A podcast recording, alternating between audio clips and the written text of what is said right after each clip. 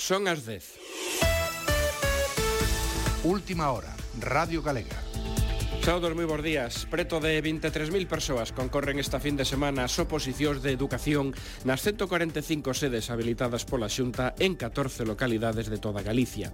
As probas para o corpo de mestres comezan hoxe. Serán mañá domingo para o resto, é dicir, profesores de ensino secundario, profesores das escolas oficiais de idiomas e artes plásticas e inspectores. En total, a Xunta oferta case 2.500 prazas. As 145 sedes nas que se desenvolverán os exames son centros educativos, dende institutos a facultades universitarias. A hora de presentación foi ás 9 da mañá, a primeira proba desenvolverase dentro dunha hora a partir das 11.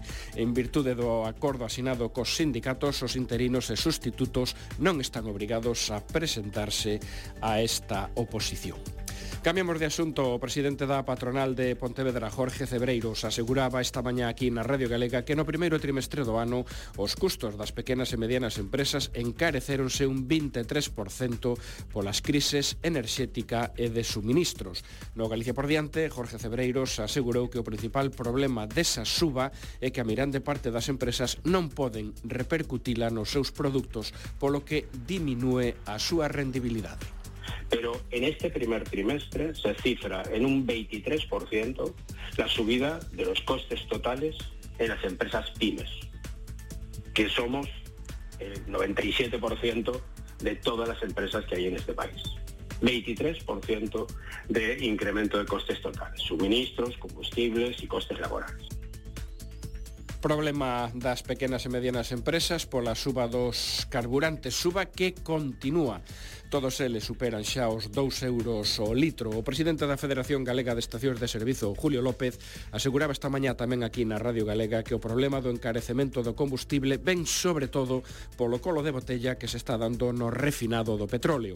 Julio López insiste en que as estacións de servizo non se están enriquecendo coa alza dos combustibles. Parece ser que por moito eh, petróleo que salga, pois non se, non se consigue refinar todo, todo todas eh, as necesidades do mercado. Entón, isto está tensionando moitísimos produtos refinados, por eso hai esa diferencia entre que antes non era tan grande entre produto refinado e petróleo, é dicir, que o produto refinado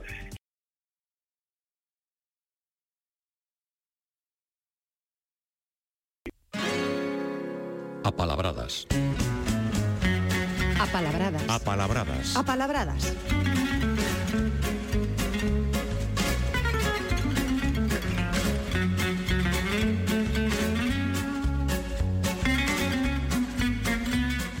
E chegan as apalabradas, como non, con Paulino Novo. Moi bons días. Que tal, bons días? Non pasaches polo son do camiño? Non quixaches vir comigo. Bueno, sabes que xa temos, xa temos era, ido a algún concerto. Broma, eh? E se o falaras, sí, vamos, temos ido xuntos a bastantes concertos, vos concertos. Digamos que sí, pero eh, non oímos contar todo, eh, pero vimos a Bruce Springsteen, vimos a Van eh, Morrison, sí, etc, sí. Sí, etc, sí, o Rollins. Eh? Tamén, Rolling tamén. Tamén, é certo. Sí, Ai, sí, mira, sí. ti de que como empezamos hoxe esta colaboración. Sí, pero, pero... esta non falamos, que... Pero sabes sobre todo porque yo pregunto, porque ali tiñas eh, tiñas familia, Sergio Vallejo, sí, o fillo do piloto, ali, como sí, DJ, sí, sí, sí, actuando. Tamén, sí, sí, sí, sí. Cambiouse, cambiaronse os motores pola, pola, pola música. música. Sí, sí señor. Pois pues que lle vaya moi ben. Sí. Un día falaremos con el no Galicia por diante, claro que sí. Pois Paulino, eh, xa asomando o sol, eh, temos que temos que protexer os nosos ollos e para protexelos da claridade e para ver mellor usamos uns instrumentos ópticos que lles podemos chamar de varias maneiras. Hoxe vasnos dar un repaso por estas palabras que creo que ademais mm, van resultar francamente curiosas. Sí, sí, sí, sí, temos. Xa, xa verás que que hai curiosidades con estes nomes. Definiches ti, non? Un instrumento óptico para ver mellor ou para protexer do sol ou da claridade, non? con lentes e cun armazón para poñelas ante os ollos, sobre o nariz e con ganchos longos ou patillas para suxeitar nas orellas. E aí estou dando tres elementos que van ser os que designen os nomes que temos para este instrumento. Falei de lentes, falei de poñer de ante os ollos e falei de ganchos para suxeitar nas orellas. Eses tres elementos van dar nome o instrumento óptico. Eh, gafa é palabra do castelán. E non está aceptada esta palabra no dicionario da Real Academia Galega. É unha palabra que procede do catalán, dun verbo gafar ou agafar que é coller. Eh? Eh, este gafa, en castelán, ainda que é unha palabra que se usa moito, non? Eh, en castelán é recente para esta acepción pero a palabra xa existía. Existía en castelán, en portugués, en galego está recollida tamén, pero está recollida serodiamente, tarde, non sei hasta que punto existiu realmente a palabra. Eh, gafa, o primeiro significado que ten en castelán e portugués é o de gancho para armar unha besta. A besta é a arma que lanza frechas. Eh? Eh, esta é a primeira acepción que ten gafa nas dúas linguas. Logo, tanto en castelán como en portugués, gafa foi un gancho, en xeral, para distintos usos. En portugués tamén era gafa a garra dos animais. E en castelán tamén unha especie de tenaza ou un gancho que se usaba na construción para subir e baixar cousas. E en castelán aparece gafa para denominar o instrumento óptico e un pouco máis tarde e dese gancho para para suxeitar nas orellas pasou xa por metonimia a designar o que o que é o, o aparato o, o aparello o aparello completo, non? E con este significado aparece xa en castelán en góngora, eh? Hai gafa e ademais hai en portugués e en castelán gafar, eh? en portugués, en castelán, coller coas uñas ou cun instrumento curvo. En portugués, nos dicionarios modernos non está, pero nos antigos tamén aparece co significado de agarrar coas mans ou coas garras. En o dicionario de Moraes recollo unha, unha frase, unha expresión que é traser alguma coisa sen gafas, que é coller algo sen violencia ou sen forza. Eh? sen, sen garras, eh? sen forza, sen gancho. Pois só resulta que non só nos protexemos a vista está do, do sol con cremas, por exemplo, de protección solar, con vestimenta, senón tamén pois cos lentes que, que utilizamos que, e que van moito máis aló dun complemento. Que outras palabras, Paulino, temos para chamarlles a eses obxetos que poñemos diante dos ollos? Pois ti acabas de dar un delas, o que se recomenda en galego é lentes. Lentes por metonimia Antes o gancho, a gafa era o gancho, unha parte. Os lentes é outra parte, pero por metonimia dá nome a todo. E, en galego recomendas en femenino, as lentes. En castelán podese dicir gafas e podese dicir los lentes, pero en masculino. E eu sempre teño oído ás persoas maiores en galego falar dos lentes, non das lentes, pero bueno, en galego o que se recomenda é as lentes. E esa é unha palabra que se recomenda. Tamén se recomenda anteollos. Anteollos que tamén unha parte, non, non, non é todo, pero unha parte tamén por metonimia denomina todo. E tamén lle chamamos anteollos a unha peza, as pezas de coiro que se lle coloca diante dos ollos os cabalos que son espantadizos. Eh? E anteollos tamén en, en castelán tamén anteojos, e ademais de anteojos en castelán, tamén se chamou quevedos, porque o escritor aparecía sempre nos retratos con, as caracteri con os característicos anteollos.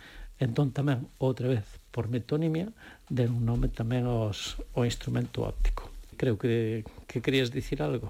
Sí, estou pensando, por exemplo, na imaxe de, de algúns escritores que van moi asociados ás lentes eh, Suso de Toro, que na actualidade me parece que xa as quitou, sí. que non as leva tan habitualmente, non? Sí, sí, sí. Hai, moitos, hai unha identificación, sí. efectivamente. De feito, mira, como curiosidade, hai, hai un medio insulto. Que, que me dis? Que, sí, sí, que gafapasta moi popular, eh, gafa pasta, para chamarlle un intelectual. Eu creo que de maneira irónica o que pretendir máis de intelectual pretendir de intelectual máis que que sexa intelectual, pero sí que é gafa pasta. Que non é o caso, por suposto, de Suso de Toro. Hai outros supo, exemplos. Por, su, por suposto que Fernando non. Pessoa, se non o escritor portugués, tamén, eu creo sí, que tamén sí, é unha imaxe sí, moi asociada sí, aos lentes, sí, non? Sí, sí, sí, sí. sí. E falando de e falando de escritores portugueses, imos ver como se di noutras linguas. E comezamos polo portugués. En castelán xa vimos gafas, los lentes tamén e anteojos. Eh? E, En portugués teñen eh, óculos. Óculos, tomado do latín óculo, que é como se ollo. Eh? Tamén, outra vez, unha parte. E tamén en portugués lle chaman luneta. Luneta, en principio, parece que é a palabra que tomarían do francés lunette, que ten este mesmo significado, é que é un derivado de lúa, porque eh, son redondas como a lúa. Esta comparación coa lúa pro cristal non é só do portugués. En castelán teñen luneta, que é unha abertura redonda no teito para que entre a luz. E tamén hai as lunas, os, os cristais, os escaparates. Eh? É un pouquiño ben, ben todo de aí. En italiano chamanlle occhiali ou occhiali a stangueta. Occhiali, outra vez, os ollos, eh? igual que o portugués. E a stangueta, que pode ir acompañando, occhiali, A estanguete é diminutivo de estanga. Estanga é unha barra. Entón, fai referencia aí a estangueta tamén as patillas. As patillas. Eh? Eh, en inglés, glass. E glasses está tomado de glass, que é cristal ou vidro. Eh? Ves que todas as linguas collen unha parte do instrumento para denominar un instrumento completo. Hai unha curiosa denominación tomada do nome dunha especie de angarella para transportar, coa carga a ambos lados, dunha persoa ou dun animal. En portugués chamanlle cangallas, de canga, dunha armación, dunha armazón curva. Eh? En italiano, barelle. Eh, propiamente, esta palabra en italiano designaba as angarellas. E no portugués, gafa, tamén daba nome dá nome a un recipiente para transportar sal nas salinas. Entón, as tres palabras estánnos falando dunha especie de angarellas que recollan que recollen a comparación coa armazón na que van os na que van as as lentes, eh? Eh, outra denominación curiosa, xa que damos así un repaso a todo, moi popular, incluso burlesca, antiparras. Eh? En castelán, en galego, non sei se podemos considerar como palabra galega, pero sempre se dixo eh, de maneira popular tamén, non? E este antiparras é unha deformación de antipara. A antipara é unha especie de polaina que tiñan os soldados para protexer a parte dianteira da perna. Eh? É un derivado de parar. Entón vai na parte dianteira da perna como uh, as lentes van diante dos uh -huh. diante dos diante dos ollos. Eh, para rematar, dicen que GAFA non está aceptado no dicionario da Real Academia Galega, pero bueno, no seu día eh, tan, as outras palabras lentes eh, e anteollos seguro que foron castelanismos e hoxe gafa e castelanismo. Ao final aquí nunca se fabricaron estes instrumentos entón a palabra viría, como ocorre moitas veces, co oxeto viría a palabra. E recordemos que en Cataluña houve bastante industria óptica. Unhas veces sucede así, outras veces mandamos cousas daqui, como o peixe, como o mexillón, entón o castelán colla a nosa palabra, adapta, chamalle mexillón, perdendo a súa palabra patrimonial do castelán que sería mocejón. En este caso, pois, ven un instrumento de fora e ven coa palabra de fora. Fantástica exposición, Paulino. A verdade é que, con respecto das antiparras, eu nunca pensa... no, no, nunca pensaría exactamente que se di o mellor nun contexto mm, de xito burlesco, incluso despectivo, senón nun, nun contexto máis ou menos incluso de, de certa simpatía, non? Sí, un contexto relaxado, sí, mm. non, nun ámbito relaxado, sí, claro. sí, sí, popular, sí, coloquial. E logo están os costumes. Antes decías que en Liñas Xerais en Galicia, pois eh, case sempre se fala de os lentes en masculino, cando realmente é femenino. É moi difícil cambiar os hábitos, eh? Sí, sí, sí, pero escuitamos, de, meus avós falaban dos lentes. Claro. Sí. Sí. E o hábito, quero dicir, o costume xa sabes que ao final se acaba convertendo en lei, non? Sí. Eh, lentes, por certo, que non levan os pilotos de, de aviación, eh, teñen que cumprir uns controis moi estrictos, sí, é dicir, sí, o, sí, sí, sí, sí. a agudeza visual é fundamental. E eu sí. nunca vin tampouco un futbolista, por exemplo, con lentes, non? Tampouco, non sei, se algún leva lentillas. Sí, sí, facíame esa pregunta internamente outro sí, día. Sí, sí, Porque ten que haber ten que haber futbolistas miopes. moitas habilidades, pero que na vista pois pues, que non que Le... teñan algún problema. Moi ben. Eh, para rematar, Paulino, como todos os sábados, pois a palabra pouco usada, usada coa que nos gusta acabar sempre, non? O noso cometido é traer esas palabras pouco empregadas e logo é cousa de cada quen usala ou deixar de usala. Exactamente, hoxe traio lastra. Lastra é unha pedra plana e delgada. Tamén unha pedra grande, de superficie lisa. Tamén é unha pedra que se pon na soleira ou na entrada da, da casa Tamén o piso, da, o piso de pedra do forno ou a lousa sobre a que se poñen os bolos para xugar, por exemplo, ou a pedra que está por arriba dos pés dun hórreo para que non suban os ratos, ten todos eses significados. E tamén ten o de pedra para pavimentar, o que en castelán chaman adoquín e en portugués paralelepípedo.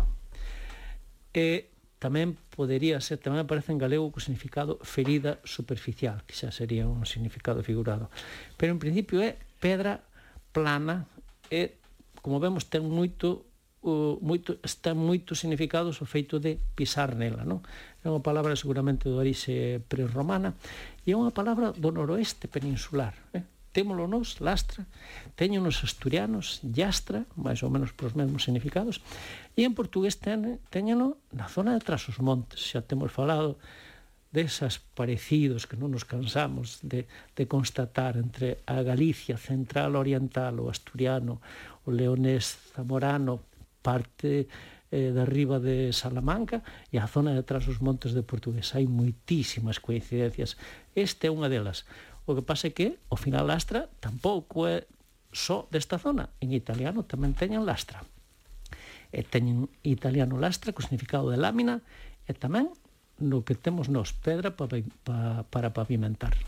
Pois así é como divulga Paulino Novo cada sábado nesta colaboración a través das apalabradas que sempre, sempre, Paulino, é un gusto escoitarte. Oxe, por certo, traes lentes, as lentes de ver, e logo tes tamén as lentes que te protexen do sol. Tamén, eh? tamén, tamén sí, sí.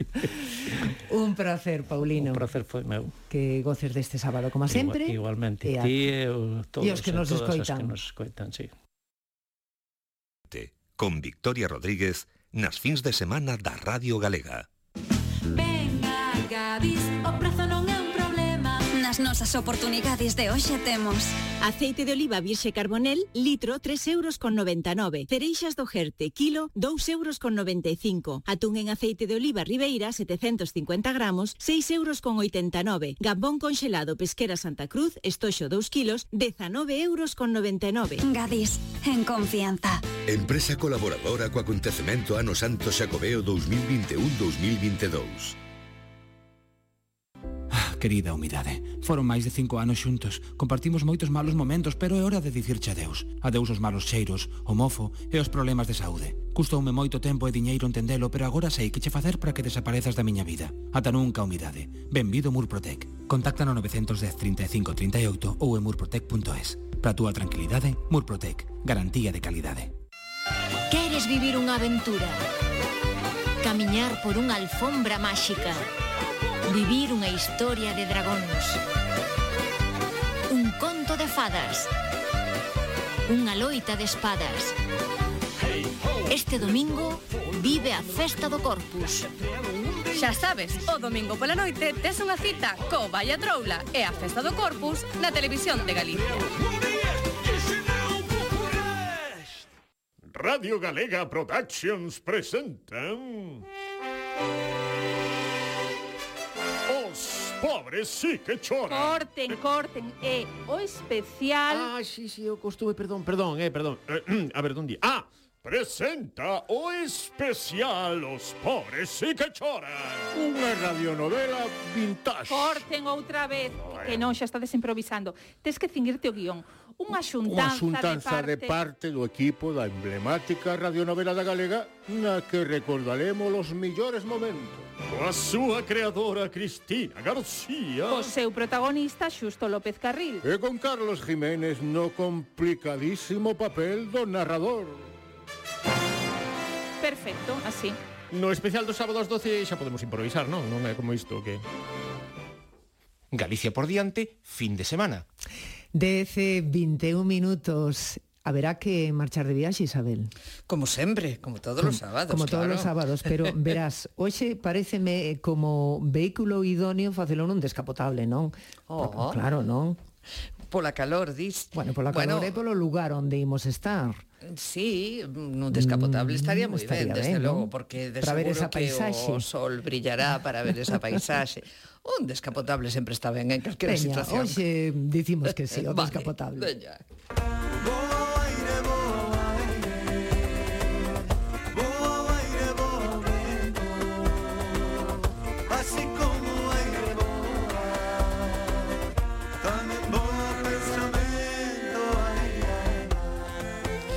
voulles presentar a un home amable que posúe esa bonomía propia das persoas que son xenerosas a hora de compartir os seus saberes, que son moitos, e ademais comparten o seu tempo sen problemas. Trátase de Francisco Díaz Fierros, catedrático de Dafoloxía e Química Agrícola da Universidade de Santiago.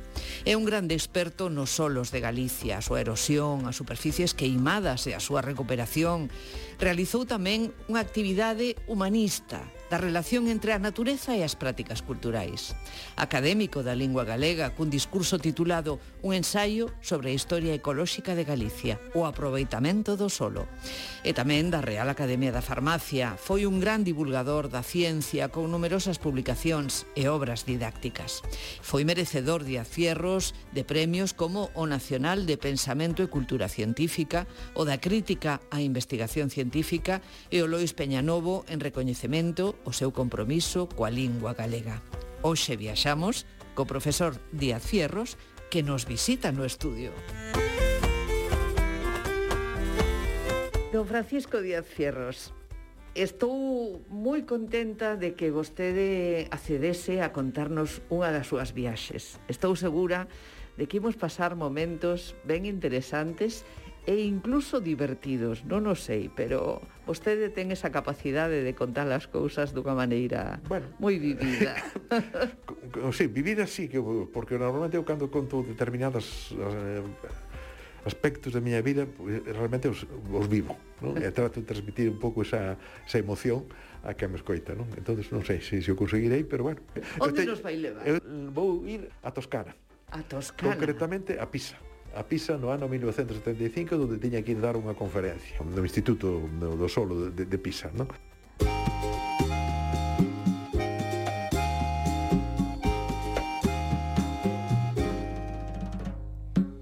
Si yo pudiera contar todo lo que pasa éramos bastante novos daquela, non? E da miña muller e máis eu dicir, home, pois se vamos ir a Toscana, porque non facemos unha viaxe pola nosa conta eh, máis demorado, eh, eh xa non con as presas de ter que ir e chegar e marchar eh, prácticamente o día seguinte. Digo, ah, pois mira, moi ben.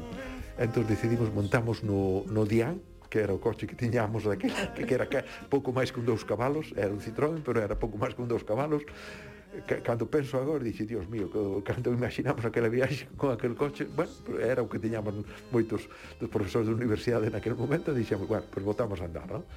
A primeira, a primeira etapa que tiñamos previsto era Santiago Burgos, non? E xa, en principio pensamos que nos saía mal, pero saínos mellor do que pensamos, porque en Burgos non atopamos eh, habitación, porque resulta que había un congreso, inter... ou sí, creo que era un con... non sei se era un congreso internacional de judo, de judocas, que tiñan copado todos os hotéis da cidade. E a xencia de viaxe dixo, bueno, eu podo buscarlle unha, unha praza en, Cabo, en Covarrubias, que está perto de, de, de Burgos, e, e foi perfecto. Covarrubias forma parte do chamado Triángulo do Arlanza, do río Arlanza, xunto con Lerma e Santo Domingo de Silos. Ten moita historia, tanto, tanta, que a chaman o Berce de Castela. Está situada na ruta da Lá, e no camiño do Cid cando partiu o desterro. En Covarrubias salienta a Torre da Emparedada, unha obra considerada mozárabe do século X, e tamén a Colexiata de San Cosme San Damián que posúe o órgano máis antigo de Castela. É un, unha, unha vila impresionante, non? É unha vila preciosa, eh, que ten unha historia tamén tan magnífica, ten un, unha igrexa e un órgano tamén de primeira magnitude que, que cando chegamos o estaban amañando, estaban probando, entón tamén tivemos ocasión de, de, de coñecer esta, esta vila e que foi un imprevisto que, que, que, que para nós foi unha enorme satisfacción poder primeiramente eh, xa eh, coñecer este paisaxe castelán burgalés eh, que, que, que para nós era unha absoluta novedade.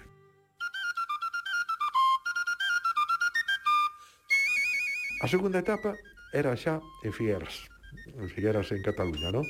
Bueno, a fomos, eh, a idea que tiñamos, bueno, pues en Figueras hai que ver o Museo de Dalí, bueno, pues la fomos, ben fomos a ver o Museo de Dalí, pero tanto o máis nos gustou o Museo do Xoguete, que a xente non sabe que hai en Figueras. E hai un museo do xoguete impresionante. Entón tamén foi unha sorpresa, non? En ese sentido. Teatriños, cabalos de cartón, cociñas, pelotas, xoguetes de folla de lata, trens... No Museo do Xoguete de Cataluña podemos atopar unhas 4.000 pezas, entre as que están as que pertenceron a personalidades como Ernest Lluc, Salvador Puig Antic ou Terence Moix. Ulls, E despois, a terceira sorpresa, eh, moi grata tamén foi que eh, tiñamos praza no Hotel Ampurdán, Ampurdá, me ver que se chama agora, non? Eh, e a cea foi unha cea desas que, que menos chamou a atención, é eh, magnífica, non?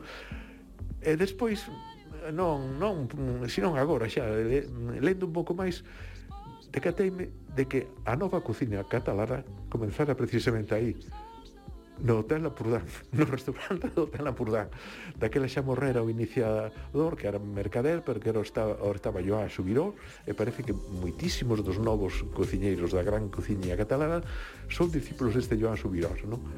E nós tamén de casualidade, porque foi unha casualidade, coñecimos esta singularidade do, do Hotel Ampurdán, non? O sea que, que son no, um, sorpresas que vamos atopando polo, polo camiño que non tiñamos ni moito menos prevista, non? Mm, Tamén estaría era... riquísimo todo que probar. Claro, é unha cena que nos chamou a atención. Eu incluso merquei daquela un libro que vendían ali sobre cociña tradicional catalana e tal, que eu que o conservo, non? O sea que, que, que realmente eh, foron sorpre... De, bueno, estaba todo previsto, pero a, gracias a, a Deus foron aparecendo eh, imprevistos polo, polo camiño e imprevistos moi gratos, non? Música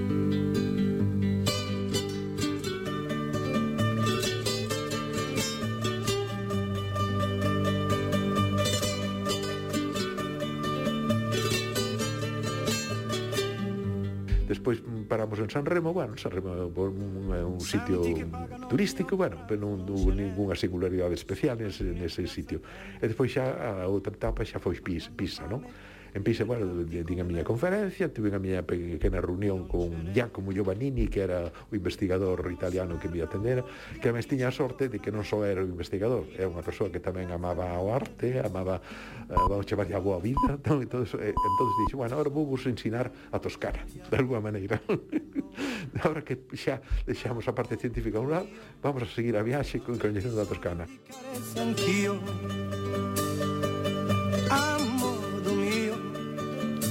avrei bisogno di sognare anch'io. E o primeiro que coñecimos foi, bueno, vamos a ir a cear o que chaman a Marina de Pisa, non? A Marina de Pisa é a mar que está perto de Pisa.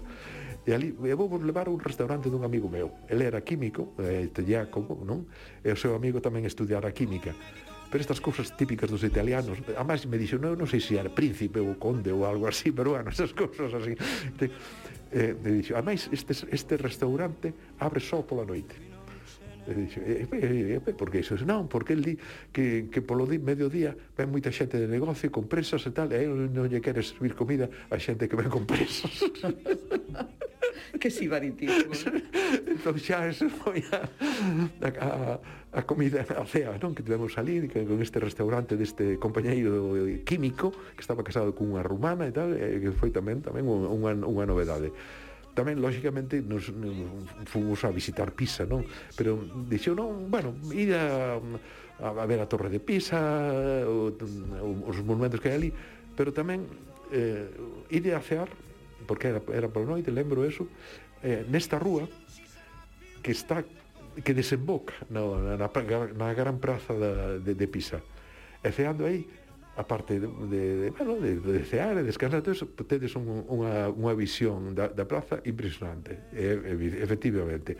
Non, non era a gran praza que se veía aí, senón era unha praza ben encadrada entre, entre rúas, pero magnífica, non? E ademais é unha cousa que me chamou a atención, e despois lle preguntei, por que, porque nós estábamos afeitos a que a iluminación en Santiago, eh, da catedral, polo menos naquela época, de, ora xa non é así, era unha iluminación moi potente En cambio ali en Pisa notaba, é unha, é unha iluminación moi suave, non? A torre ves así como un pouco como os vai e dixo, non, non, é que iso é unha cousa que se procura xa, non? Que non sexa unha iluminación demasiado dura, porque ademais a, o mármore branco reflexaría moito, entonces dá outra calidade, efectivamente, dáballe unha certa calidade, un certo misterio ao que estábamos nos a ver. eh, a comida foi normal, non sei se foi unha pizza ou algo así, pero o espectáculo que teñamos desde esa rúa que desembocaba na praza me parece que chama do Espírito Santo, algo así, si de, no, xa non me lembro de Pisa, era, era única, non?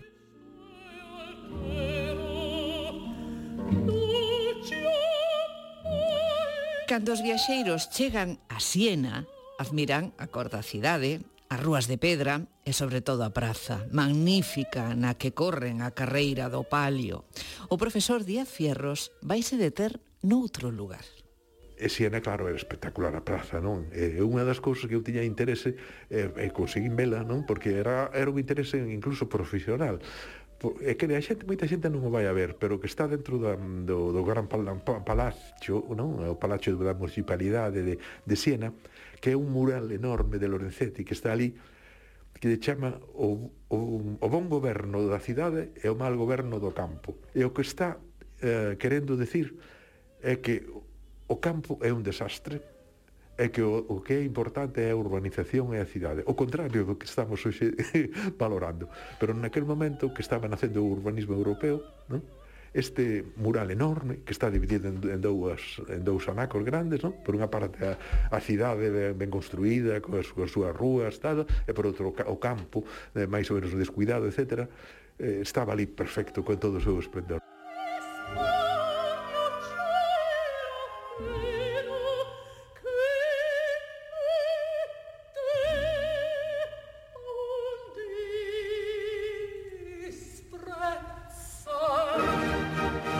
despois, claro, eh, Florencia, ¿no? Florencia era inevitable, ¿no? en ese sentido.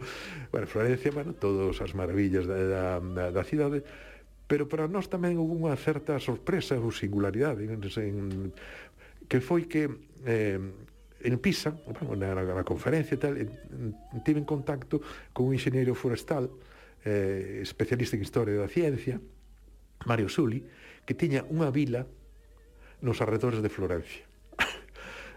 unha vila típica cos seus cipreses e tal, tal.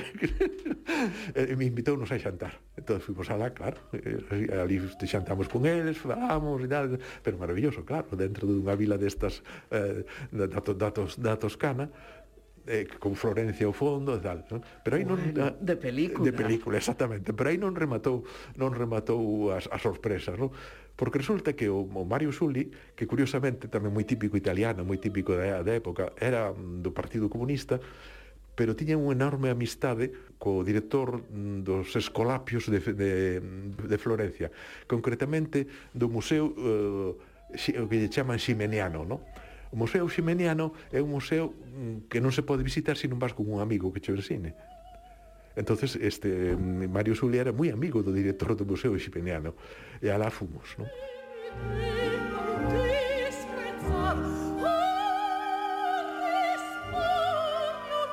O Museo Ximeniano ten dúas singularidades. Unha, o que ten ali, eso que é todos os aparellos das, da históricos da sismografía italiana, da hidrografía italiana, incluso da radiotelegrafía de Marconi, todo eso está ali metido nese museo. Un museo que realmente non coñece ninguén, salvo que sexas amigo do director, como era o caso de Mario Zulia neste que e ademais despois a paisaxe que se ve desde ali, non?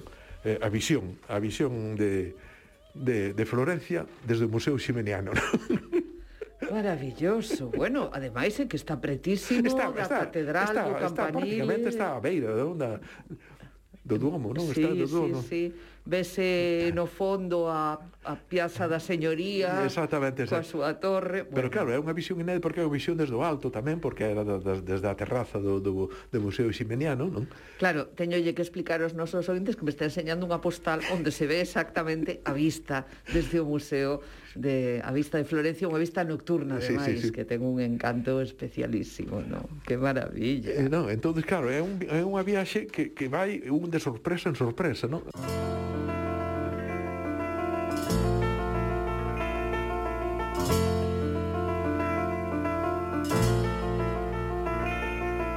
E esta viaxe, bueno, rematámola en, en Venecia. Collimos a Estrada Serenísima e alá nos fomos a Venecia, non? Porque claro, xa, home, non é que quedase moi perto, pero bueno, era unha pena tampouco non, que tampouco a coñecíamos, non? Naquel, naquel momento. Aí fomos aconsellados xa non polo, por Giacomo, ese compañeiro meu químico, non, de Pisa, senón por Uxío Romero, que foi un, era un galego que foi o bispo de Madrid e que votou moitísimos anos en Italia e coñecía Italia perfectamente. E xa nos dixo, mira, podedes ir a un hotel moi perto de, de Venecia, podes ir en Venecia, son moi caros, ou tens que ir a ir a un hotel de primeirísima para que estar ben atendido. Mellor ir a Pádova, que está a beira de, de, de Venecia, ali podes ir a un hotel bon, magnífico e todo eso, e despois desde ali facedes a visita a Venecia. E sobre todo, non vos preocupedes moito de ir aos museos, pasear Venecia pasear Venecia, ¿no? Entonces eso foi o que fixemos, ¿no?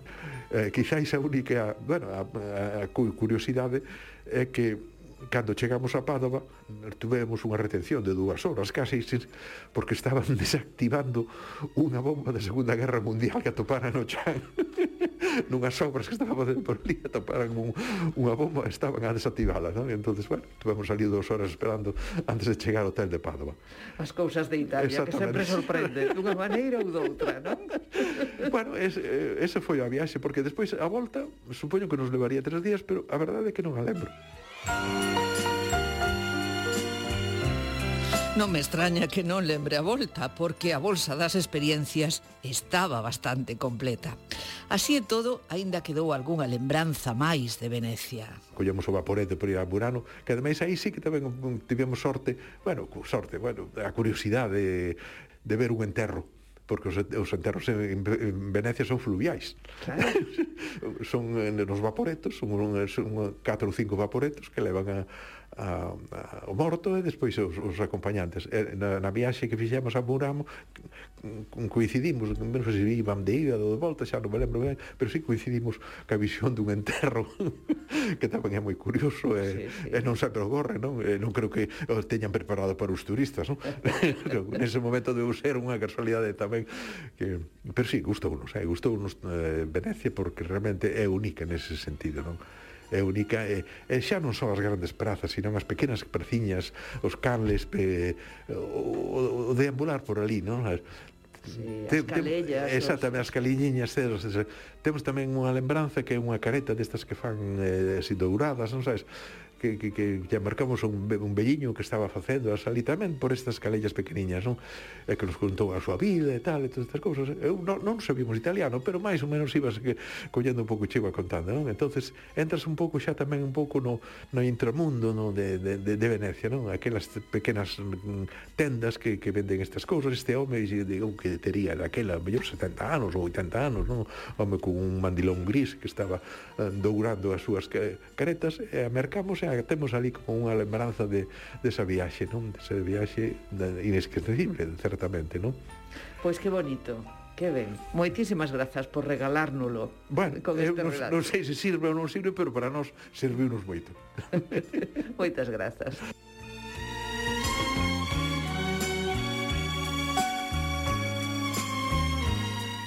Italia, Isabel, sempre deixa pegada e moi especialmente ese circuito, non? Por iso decía sí, un sí. pouco... O do descapotable estaba ben pensado, porque hai que pensar que o profesor Díaz Fierros fixo esta viaxe coa súa muller nun día en seis. Algo moi diferente. que romántico. Realmente. Bueno, direche que case fixen pleno nesa viaxe. Eh? A Gas Venecia fixen un percorrido semellante. Unha maravilla. Grazas, Isabel.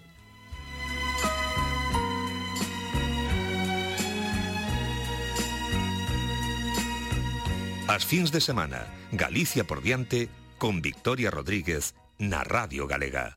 Aforra con Lidl en produtos moi daqui. Este verán volve a desfrutar de San Xoán cunha barbacoa con carne 100% orixe galego como noso choubizo galego a 3,19 euros 500 gramos. Lidl é galego, é bo.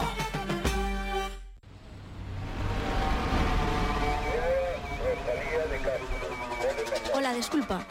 Eh, vexo que levas os cascos postos. Podesme dicir que estás escoitando? Sí, claro. A sintonía do Diario Cultural Z. Este temazo e a mellor cultura Z os sábados e domingos ás dúas e media en radiogalegapodcast.gal.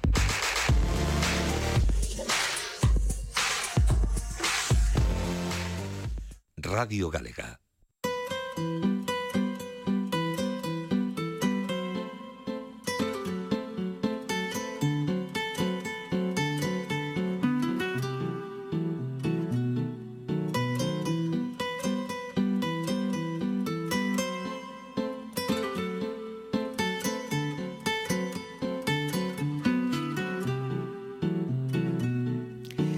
Xa saben que este o ano internacional de María Casares eh, o ano tamén no que se comemora o centenario do seu nacemento o da actriz galega de teatro e cine exiliada en Francia e alrededor da súa figura están tendo lugar moitas, moitísimas actividades das que tamén puntualmente estamos dando conta a través da Radio Galega nos diferentes espazos.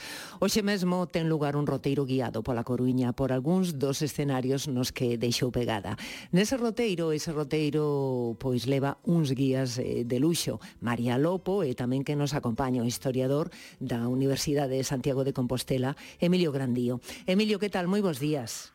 Hola, bo día. A que hora comece ese roteiro? A partir es das 12, non? As 12, sí. Uh -huh. Esperta moita curiosidade esta convocatoria, porque houbo que apuntarse previamente. Sí, bueno, a verdade é que é unha convocatoria que se leva realizando en fai uns anos, mm. Ainda que a pandemia se, se paralizou un ano, non?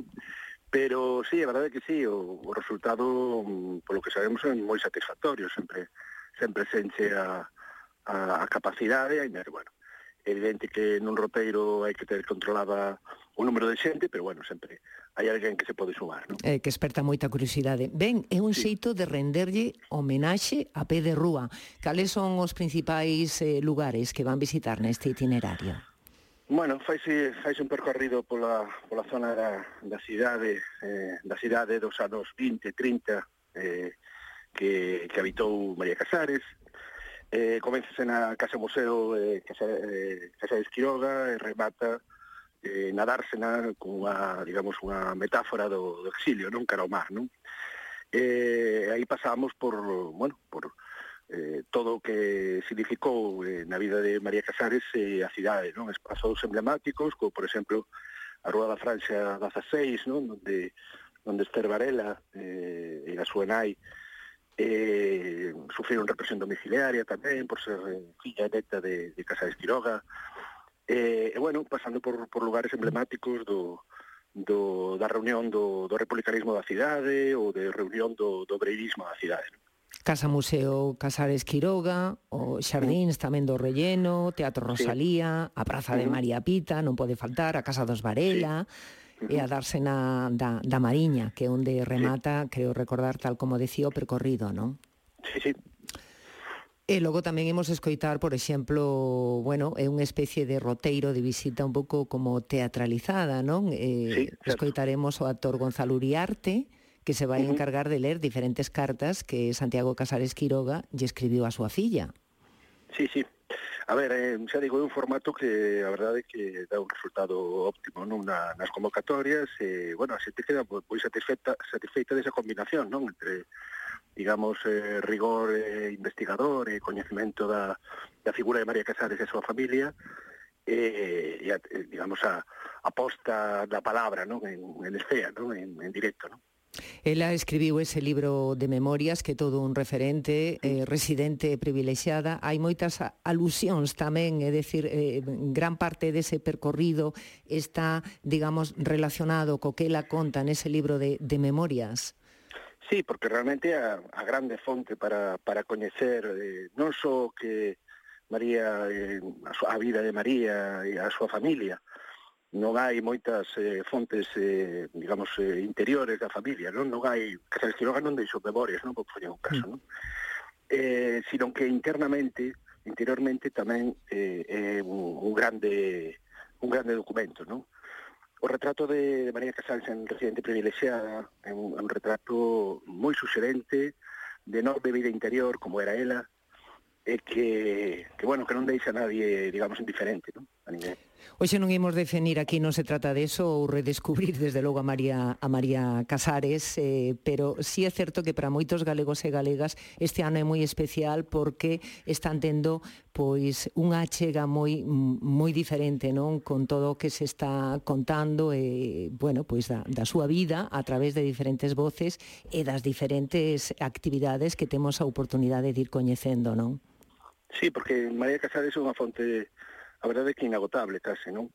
Porque eh, realmente boa parte da súa da súa trayectoria como, como actriz, non? Como destacada actriz da, da escena francesa, realmente era, era, era moi descoñecida, pero mm. María é unha, de verdade, é, cando un escarba na, na súa vida, no seu interior, cando un lee as entrevistas que fixo posteriormente, o seu retorno á transición tan complicado, non? De verdade que é unha persoa enormemente suxerente e moi atractiva. Pois eh, María Casares evidentemente si sí, unha persoa fascinante e direi que xa tivemos a oportunidade de, de falar tamén neste espazo eh, dela eh, foi no, no inicio deste 2022 con María Lopo.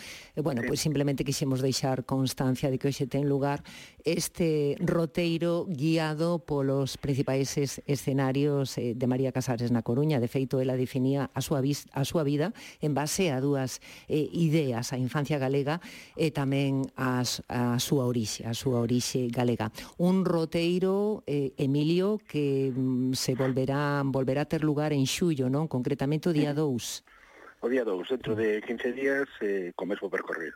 Moi ben, pois nada, que gocen moito deste percorrido, xa nos contará. De acordo, moitas gracias a vos. A vostede, moi bons días. Na Radio Galega, Galicia por diante.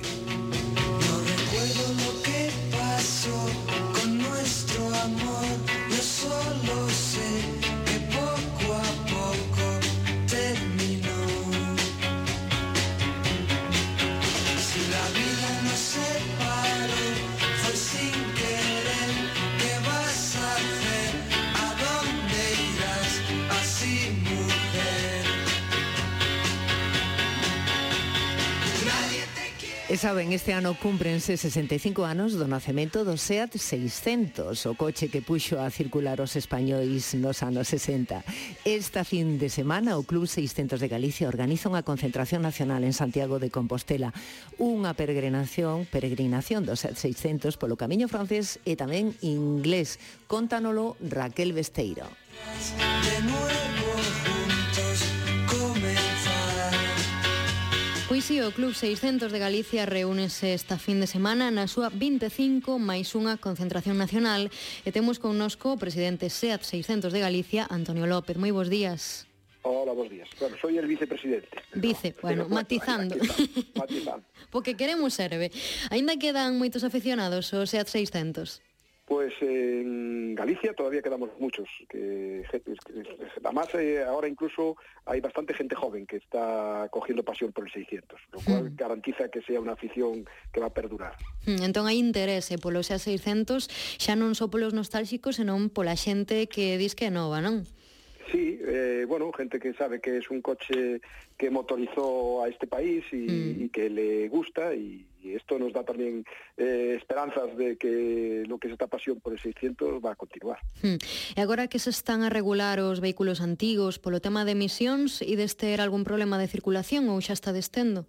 Bueno, inicialmente de momento no, no tenemos aquí en Galicia ningún, ningún problema. Creo que habrá ciudades ahora donde sí los pueda haber, pero eh, hay en este momento ciudades europeas como París que los vehículos históricos no tienen esas limitaciones. Uh. E que hai desfacer esta fin de semana en Santiago na Xuntanza Nacional de 600? Bueno, pues vamos a organizar eh, una peregrinación el sábado desde o febreiro, Y el domingo el broche final es eh, la Plaza del Obradoiro, donde estarán expuestos todos los SEA 600 que participan en esta concentración. Entón, dous días, dende o Cebreiro ata Santiago de Compostela, e ides ir polo camiño francés e o camiño inglés, non? Sí, vamos a, mm. a hacer dos, dos eh, desvíos. Eh, vamos a hacer eh, la ruta hasta Santiago y eh, motivada por, eh, cuando empezamos con todo este proyecto, no sabíamos que había tantos acontecimientos este fin de semana, entre ellos Osondo Camino, mm. y nos fue muy difícil encontrar eh, lugares de alojamiento y entonces se puso la base de La Coruña para, para poder estar en el Guazal Barrio al día siguiente. Mm. E a xente que ten un SEAT 600, que adoita facer con el? Sacalo no seu día a día, gardalo para eventos especiais? Bueno, la, la gran mayoría hoy ya se guardan para concentraciones, para utilizarlos en el ocio. Para el día a día todavía hay algunos, pero cada vez menos. Ya cada vez se, se utilizan menos. Sí, sí que cada vez eh, tenemos más socios que los utilizan para salir en las concentraciones nuestras y la verdad que cada vez se viaja más también. Hmm. Algúnha regulación especial dos permisos de circulación nun coche que xa ten 65 anos de historia? Bueno, eh, no. Eh, hay, mm. hay, algunos de estos 600 que están declarados como vehículos históricos y otros como vehículos normales. Y los que mm. están como vehículos normales están pasando perfectamente las ITVs. No, no suelen tener mayores problemas. Mm. Se, por exemplo, alguén ten un SEAT 600 e vive no centro dunha cidade que ten restriccións, como é o caso de Madrid, pode circular ou mm, ten que ter algunha cousa en especial que, que acredite que vai quizáis a un destas concentracións? Eh, pues la verdad que ahí me coges que no lo, no lo sé. Inicialmente, cuando todo esto empezó, eh, los residentes no tenían esas limitaciones, pero al final no sé cómo habrá acabado toda esta toda esta Mm. historia. Claro, supoño que dependerá tamén de cada concello. Sí, sí, no, y, y además que son regulaciones eh, especiales. Hay, eh, en este momento los organismos que defienden los vehículos clásicos en España están luchando para que eh, muchas de las normas sean como las que están funcionando en otras ciudades europeas y los uh -huh. vehículos históricos puedan eh, circular perfectamente. Uh eh, -huh. Antonio, agora que está subindo tanto a gasolina e o gasoil, Encher o depósito dun coche como este supón moito gasto, consume moito ou eh, aínda consume bueno, menos? So, hmm. Son coches que en su época consumían poco, pero eh, hoy en día sí consumen más. Hoy el 600 tiene 30 litros de depósito, eh, los más actuales, los de primera serie 25, Ujú. Y, y, bueno, pues si le echas 20 litros, pues al precio que está hoy ya, ya casi ya casi llenar el depósito de 600 se va a los 50 euros. No uh -huh. es ninguna ninguna broma. Y un consumo medio de un 600 pues está entre un 7, si es en ciudad, pues quizá un 8. Ese es un consumo medio de un, un 600. Uh -huh. Un club de 600 que cumple 25 máis un anos, nestos 26, 25 máis un anos, sí. que, que tivestes feito por aí? Moita afección foi se sumando xente, xente que leve todos esos anos sendo socios? Sí, sí, tenemos bastantes socios que, que llevan años, hay algunos que se fueron a lo largo de estos años incorporando y tenemos una, unos socios ba- ba- bastante constantes. Después somos un, un club que siempre ha tenido actividades eh, por toda Galicia y bueno, hemos ido, viajado fuera y siempre eh, hemos buscado por un lado la visita cultural, el recorrido en el coche, una buena comida y el pasarlo bien. Y eso ha hecho que los socios pues aguanten años aquí con nosotros. Hmm. E normalmente a xente eh, ten esos coches desde fai tantos anos ou xa os compraron por nostalgia? Bueno, hai, hai, hai hai de todo, eh? pero en general la mayor parte de los coches que tenemos de los socios de los clubs, eh, la mayor parte fueron comprados posteriormente. No, no, hay algunos coches que sí son coches de la familia de siempre, pero bueno, hay, hay muchos más de coches que se han comprado eh, posteriores. Para, eh, por ejemplo, en mi caso, en mi caso, en mi familia hubo 600, pero estos 600 que tengo yo no, no corresponden a eso, sino fueron comprados posteriormente. o 600 era un coche mítico dos anos 60 eh, e daquela era considerado familiar, non? Que peque rechiño porque estamos afeitos a, a ver hoxe en día, non? Bueno, era un coche en el cual eh, muchas de las familias españolas empezaron a, a Mm. tener su primer vehículo. Y entonces en aquel momento no parecía pequeño, sino que daba una libertad que hasta ese momento no había, que había que depender para desplazarse de los coches de línea o de los trenes y de repente tú tenías un coche que en el que podías mover por todos lados. Entonces, la incomodidad de ir todos allí apretados no era tal, sino era una ventaja, porque era eh, la ventaja de salir de casa y poder desplazarte. Y ahí empezó eh, el tema aquel de los domingueros y todas esas cosas que hoy nos parecen muy lejanas, pero que realmente se salía el domingo a- afuera de la ciudad, a campo y, y, el 600 fue eh, pionero en este, en este sentido. Hmm. Foi unha revolución tamén de facer asequible, non? O, o medio de locomoción individual nesa época. Sí, bueno, hai que tener en cuenta que el 600 eh, prácticamente costó lo mismo desde el año 50, desde los 50 hasta los 70 que acabó de fabricarse, uh -huh. pero con una diferencia. En los años 50 era un artículo de lujo uh -huh. y en los años 70 era un precio asequible que podía eh, prácticamente acceder eh, cualquier persona que trabajara. Y, es, y eso eh, ha hecho que el 600 pues haya eh, sido un coche eh, muy popular. Y aparte muchos de los 600 han tenido 5, 6, 8 manos, o sea, se han vendido muchas mm. veces. Reventa, non? E, eh, sí, mucho, mucho. E agora a xente que ten 600 anímase a facerlle algunha modificación tanto no tuneo externo como no motor? Hay, de todo, Mm. hay de todo. Hay los que tenemos el coche bastante de serie, tal como lo que corresponde, y hay quien eh, le mejora las prestaciones, tanto de mm. seguridad como motor, bueno, ahí hay un poquito de todo. Uh -huh. Pues Antonio, a ver si vemos alguna vez algún 600 híbrido ou eléctrico para ver se cumple as novas normativas e agardamos que o pasedes moi ben nesta concentración nacional de 600 que terá lugar en Santiago de Compostela e que sigades moitos anos máis gozando deste mítico modelo español. Muchas gracias. Sin querer. Ai, Raquel, Raquel Besteiro, gustouche o que che contou Antonio a propósito dos 600 tiques tan noviña. Tiveches algunha vez a oportunidade de subir un 600? Pois eu subir non, sei que hai un, un veciño preto da, da miña casa en Berín que sempre teña un ali aparcado que me chamaba moito a atención e miña nai tivera un de nova. Que me dis, sí? Sí, pero eu personalmente nunca montei, sí que me gustaría. A verse, de feito, a verse mercou un de cando teña de cartos de coleccionista. Pois pues vaya forrando, Raquel Besteiro, grazas. Grazas, Victoria. Imos camiño xa das 11 da mañá e facémolo con Carolina Rubirosa.